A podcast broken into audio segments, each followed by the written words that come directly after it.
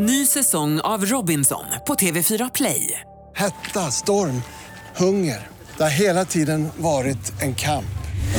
Nu är det blod och tårar. Fan händer just nu. Det. är Detta är inte okej. Robinson 2024, nu fucking kör vi! Streama söndag på TV4 Play. Radio play.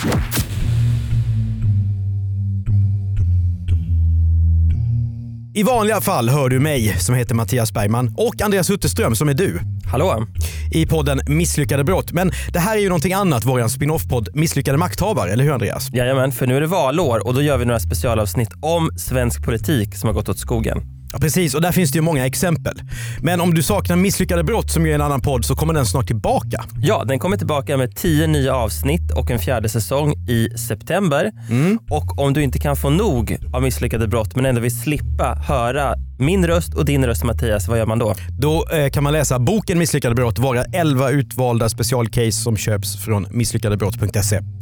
Men nu till Misslyckade makthavare och i det här avsnittet historien om när ordföranden för det största politiska ungdomsförbundet i Sverige slogs med ordningsvakter på krogen. Vilket till och med slutade i rättssalen.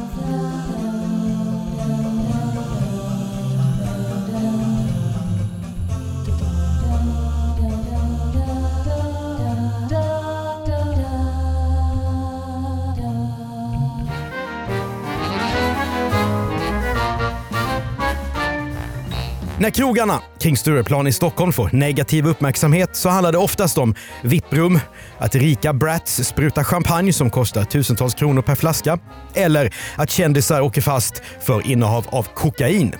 Men den här delen av Stockholm består inte bara av det som kvällstidningarna brukar kalla för inneställen. Här finns också andra typer av nöjesetablissemang. Och 2006 är Crazy Horse ett av dem. Det är en cowboyinspirerad restaurang på Sturegatan dit man går för att dricka öl eller äta amerikansk mat som hamburgare. Och Crazy Horse ska vara huvudplats för det som händer den 29 januari 2006. För då är en av gästerna på krogen Anna Sjödin. Hon är ordförande i sossarnas ungdomsförbund SSU och hennes vän Cecilia och hennes sambo Thomas Hartman är också på krogen. Den här dagen omväljs också Tarja Halonen som Finlands president. En fönsterputsare blir fast mot fasaden när han ska putsa fönster i den 300 meter höga Turning Torso i Malmö. Fotbollshjälten Romario gör sitt 950 mål just den här dagen. Och om en månad så ska Sverige ta 14 medaljer i OS i Turin. Och förresten, i riksdagsvalet senare i år ska Socialdemokraterna göra sitt sämsta val sedan 1914 och partiledaren Göran Persson kommer att avgå. Men för SSU-ordföranden Anna Sjödin är framtiden ljus.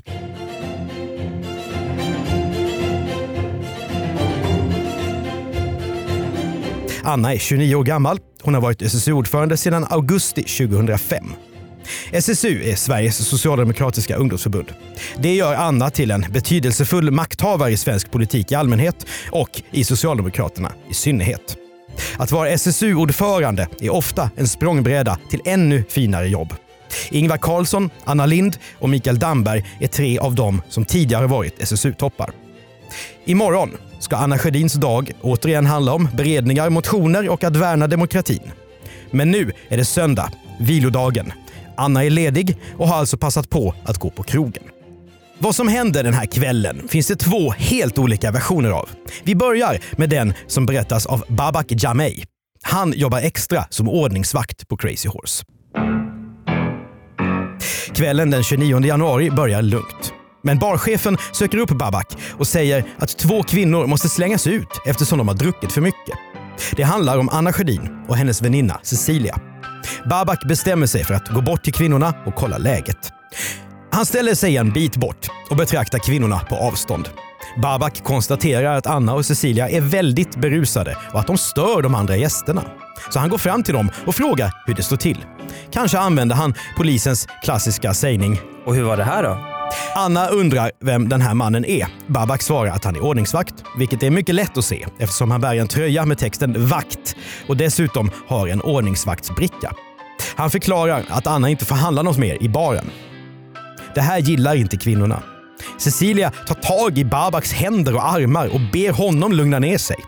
Men Babak står på sig Han förklarar att de stör och därför måste lämna lokalen. Anna, hon struntar i tillsägelsen. Hon försöker istället genast beställa mer att dricka från baren. Nu uppstår en diskussion. Till en början lugn och sansad. Babak säger att han måste använda våld om de inte lämnar lokalen frivilligt. Kvinnorna vägrar. Babak säger att han då har tagit tag i Annas vänstra överarm. Hon rycker undan den. Då gör han samma sak igen. Den här gången lite hårdare.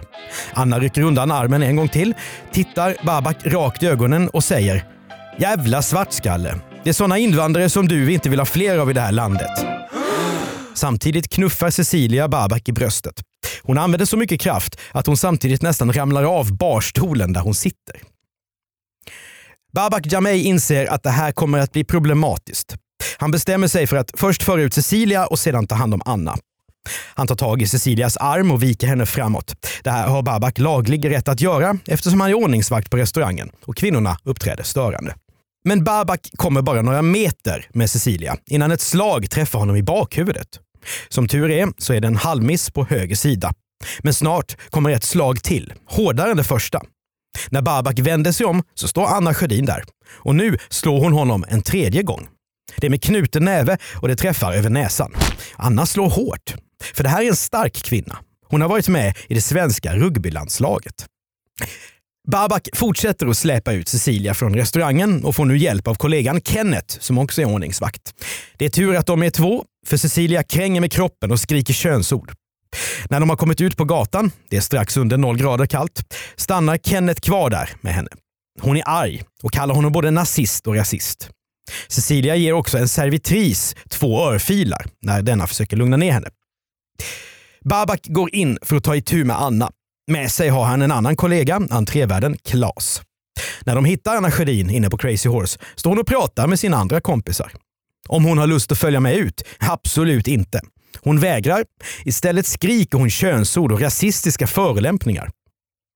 Nu börjar de andra i Anna Sjödins sällskap lägga sig i. Hennes pressekreterare Peter Skeppström kommer fram och frågar Babak om ordningsvakterna vet vem Anna Sjödin är. En fråga som är väldigt olämplig.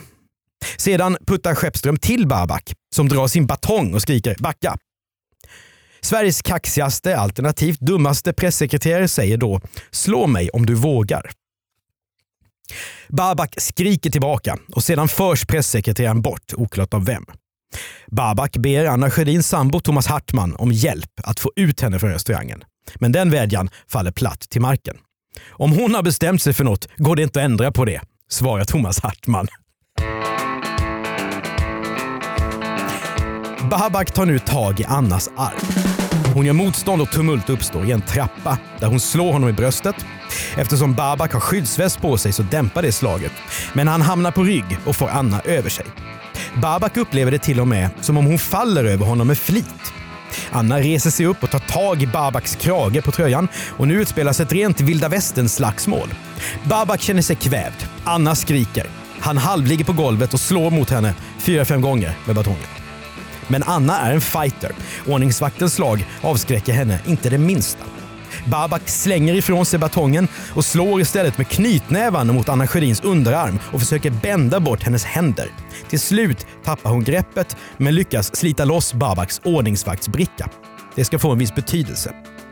Under tiden har personalen på Crazy Horse ringt till polisen som är på väg. Nu är det Babaks och kollegornas uppgift att hålla Anna kvar på platsen tills patrullen har anlänt. Under tiden så passar hon på att göra sig skyldig till den ena förolämpningen efter den andra. Anna Sjödin kallar Babak svartskalle, nazist, rasist och bögjävel. Tänk nu på att Anna Sjödin inte är vem som helst. Hon är högt uppsatt i den socialdemokratiska rörelsen. Ett parti som säger sig värna jämlikhet, solidaritet och demokrati. Ett parti som just tar fram ett valmanifest som har namnet Alla ska med. Där finns rubriker som “Kultur berikar”, “Alla vinner på att vi stöttar varandra” och “Trygga jobb i ett modernt arbetsliv”. När polisen kommer till Crazy Horse berättar Babak Jamei vilka som är gripna och vilka andra som har varit inblandade. Anna gör så starkt motstånd att han och en polis tvingas hålla henne. Till slut tvingas polisen koppla ett hand eller möjligen armgrepp på Anna Sjödin och föra in henne i polisens piketbuss. Den kör iväg mot stationen. När polisbussen passerar ett gupp så tappar Anna någonting. Det är Babaks ordningsvaktsbricka. Polisen frågar varför hon har tagit den med sig. Anna Sjödin förnekar att hon har stulit brickan. Den måste ha fastnat i hennes kläder och därefter ramlat av. Det är en förklaring som Stockholms tingsrätt senare ska avfärda som verklighetsfrämmande och föga trovärdig. Efteråt kontrollerar Babak Jamei vilka skador han har ådragit sig. Och det är han sällsynt kvalificerad för eftersom han egentligen är AT-läkare på Danderyds sjukhus och bara jobbar extra som ordningsvakt. Babak har rivmärken, rodnad och svullnad i pannan, på höger kind och i bakhuvudet. När Babak Jamei får veta vem det är han har slagits med blir han orolig. Tänk om Anna Sjödin ska utnyttja sitt nätverk och kontakta hans arbetsgivare på sjukhuset. Eller kanske dra i lite trådar så att Babak blir av med sin rätt att jobba som ordningsvakt. Men så ska det inte bli. Och så här långt så pratar vi bara om Babak Jameis version alltså. Och nu så kanske vi ska gå över till Anna Sjödins då. Ja, precis. Ny säsong av Robinson på TV4 Play. Hetta, storm, hunger. Det har hela tiden varit en kamp. Nu är det blod och tårar. Fan händer just det. Det är detta inte okej. Robinson 2024, nu fucking kör vi! Streama söndag på TV4 Play. Ett poddtips från Podplay. I fallen jag aldrig glömmer djupdyker Hasse Aro i arbetet bakom några av Sveriges mest uppseendeväckande brottsutredningar. Går vi in med hemlig telefonavlyssning och, och då upplever vi att vi får en total förändring av hans beteende. Vad är det som händer nu? Vem är det som läcker? Och så säger han att jag är kriminell, jag har varit kriminell i hela mitt liv men att mörda ett barn, där går min gräns. Nya säsongen av Fallen jag aldrig glömmer på Podplay. Att det var en blöt kväll, det medger hon. Under söndagskvällen har Anna druckit två stora starköl. Hon har delat en flaska vin med vännen Cecilia. Hon har också satt i sig en drink som innehöll 8 centiliter starksprit. Och så var det visst en tequila också. Var Anna Sjödin berusad? Ja, men inte överdrivet mycket, säger hon själv. Under kvällen, säger hon, har hon kommit till Crazy Horse tillsammans med sin sambo efter att ha fått veta att några kompisar redan är där. När hon försöker beställa en drink åt sin kompis som fyller år så sticker en irriterad och stirrig kille fram huvudet. Anna Sjödin får senare veta att det är ordningsvakten Babak Jamei. Anna tar inte hans tillsägelse på allvar utan fortsätter sina försök att beställa från baren. Efter de inledande diskussionerna så för Babak ut Cecilia från restaurangen. Anna säger sig då ha blivit irriterad och undrar vad han håller på med. Hon hör Babak kalla Cecilia för jävla hora. Men hon varken följer efter Babak eller slår honom i något bakhuvud, vilket han påstått. Därefter kommer Babak tillbaka in i restaurangen och börjar dra och slita i Anna. Han har dragit sin batong, skriker att hon är en jävla hora och att hon ska ut från krogen. Tumult uppstår. Någon bryter upp armarna på Anna Sjödins rygg. Babak fortsätter kalla henne hora och fitta. Det här säger alltså Anna Sjödin. Därefter får hon en knuff i ryggen. Hon ramlar över en stol och in i en vägg. Anna tycker att situationen är obehaglig och ber Babak ringa polisen. Istället börjar han slå henne, som ligger på golvet, med sin batong. Anna försöker skydda sig med armarna. Hon tar tag i hans tröja och han svarar med att trycka ner hennes huvud i golvet med hjälp av batongen. Resultatet blir att hon blir skadad i ansiktet. Kanske kallar Anna Babak för jävla idiot, men hon skulle aldrig använda ord som bögjävel eller svartskalle. När tumultet är över står Anna och sambon Thomas Hartman kvar vid garderoben i entrén. En annan vakt ska då ha kommit och tagit ett nytt grepp, vilket gör att hon ramlar med två personer över sig. Hon kommer upp på fötter, trycks upp mot en glasruta vid entrédörren. Babak skriker att han ska slå ihjäl henne. Därefter kommer polisen. Anna Sjödin är upprörd, hyperventilerar och gråter. Så det är helt enkelt Anna Sjödins version. Mm. Slagsmålet är alltså över.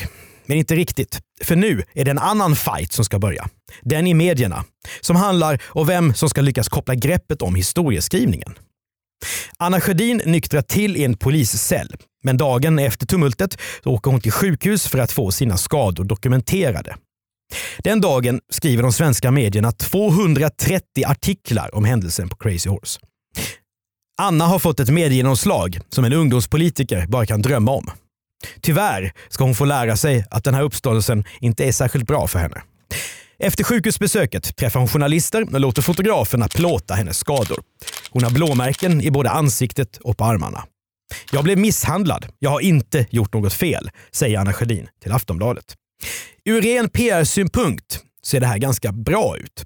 En kvinnlig SSU-ordförande har fallit offer för en våldsam manlig ordningsvakt som dessutom har burit batong.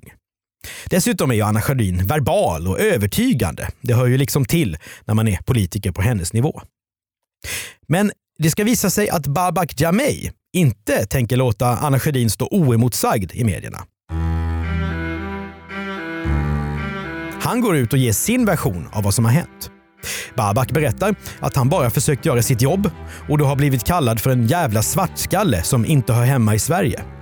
Enligt sin version är det alltså han som är offret.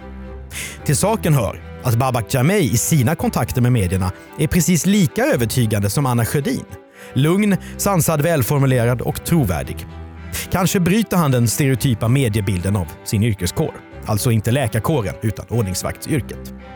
Minns du det här Andreas? Absolut. Eh, det som var intressant var att jag under den här tiden hade en eh, flickvän som var väldigt vänsterorienterad och ofta hade en väldigt tydlig åsikt i den här typen av situationer. Problemet för henne var att hon visste inte vems sympatier hon skulle ta. Därför att eh, min dåvarande flickvän gillade inte poliser och ordningsvakter men ömmade ofta för minoriteter och Babak tillhörde ju båda. Samtidigt så ville hon ofta ta kvinnors parti mot män mm. men det var ju Anna Sjödin som var den förtroendevalda. Så det som var spännande var dynamiken mellan Babak Jameh och Anna Sjödin när båda var starka och svaga samtidigt. Mm. Det blev, det blev, annars så är det så lätt att en blir en goda, en blir en onda.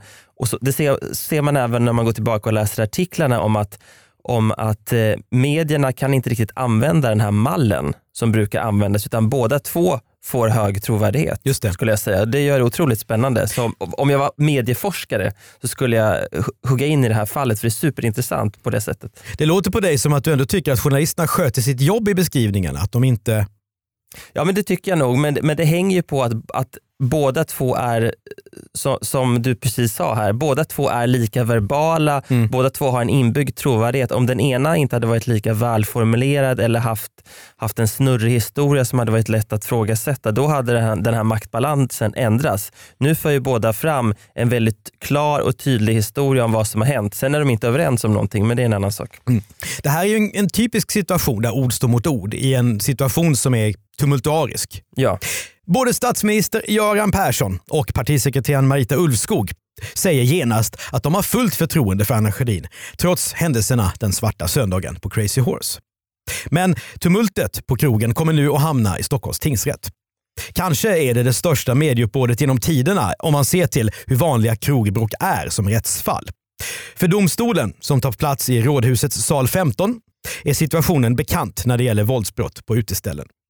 Folk var fulla.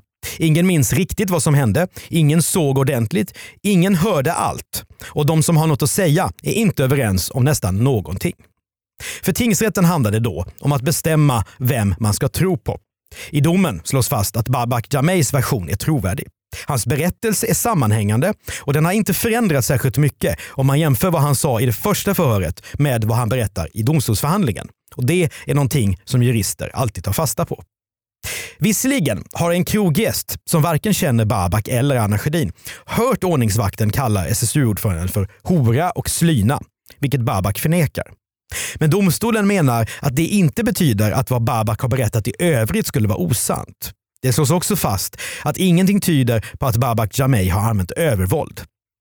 Resultatet. Anna Sjödin döms i oktober 2006 för förolämpning, egenmäktigt förfarande, ringa våld mot tjänsteman samt våldsamt motstånd. Åklagaren har yrkat på fängelse, men tingsrätten nöjer sig med dagsböter på sammanlagt 36 000 kronor. Anna Sjödins kompis Cecilia döms till böter på sammanlagt 12 000 kronor för ringa misshandel och våldsamt motstånd. Svea hovrätt vill inte befatta sig med fallet, så de här domarna de står fast. Nu är den stora frågan om Anna Sjödin kan sitta kvar som politiker. Kan man ha en SSU-ordförande som är dömd för våldsbrott? Hur ska Anna Sjödin någonsin kunna diskutera rättsfrågor efter det här? Om Anna Sjödin pratar om till exempel hårdare straff så kommer alla journalister att kontra med frågan “Borde du själv ha fått fängelse efter bråket på Crazy Horse?” Nej, situationen är ohållbar. Visserligen stretar Anna Sjödin emot till en början, men i december 2006 avgår hon efter att trycket från SSU-distrikten på henne har blivit för hårt. Var hon en misslyckad makthavare? Det är svårt att säga, men en makthavare på hennes nivå kunde i alla fall inte vara drömd för brott. Idag är Anna Sjödin folkhögskolechef på Vindens folkhögskola. Och Babak Jamei då? Ja, efter bråket på Crazy Horse så gör han några inhopp till som ordningsvakt. Sen bestämmer han sig för att det får vara nog och lägger all sin arbetskraft på att vara läkare istället. Ett yrke som han fortfarande är kvar i. Du har hört Misslyckade makthavare, en spin-off-podd på misslyckade brott som snart är tillbaka med en ny säsong. Just det, i september så kommer vi med tio nya avsnitt av Misslyckade brott. Om du vill maximera din upplevelse av mig och Andreas så prenumererar du såklart både på Misslyckade brott och på den här podden i iTunes och skriv gärna en liten eh, recension så är det fler som hittar till podden. Och om du har synpunkter på det som du just har hört eller vill tipsa oss om andra fall som vi borde berätta om, mejla gärna till misslyckadebrott@bplus.se.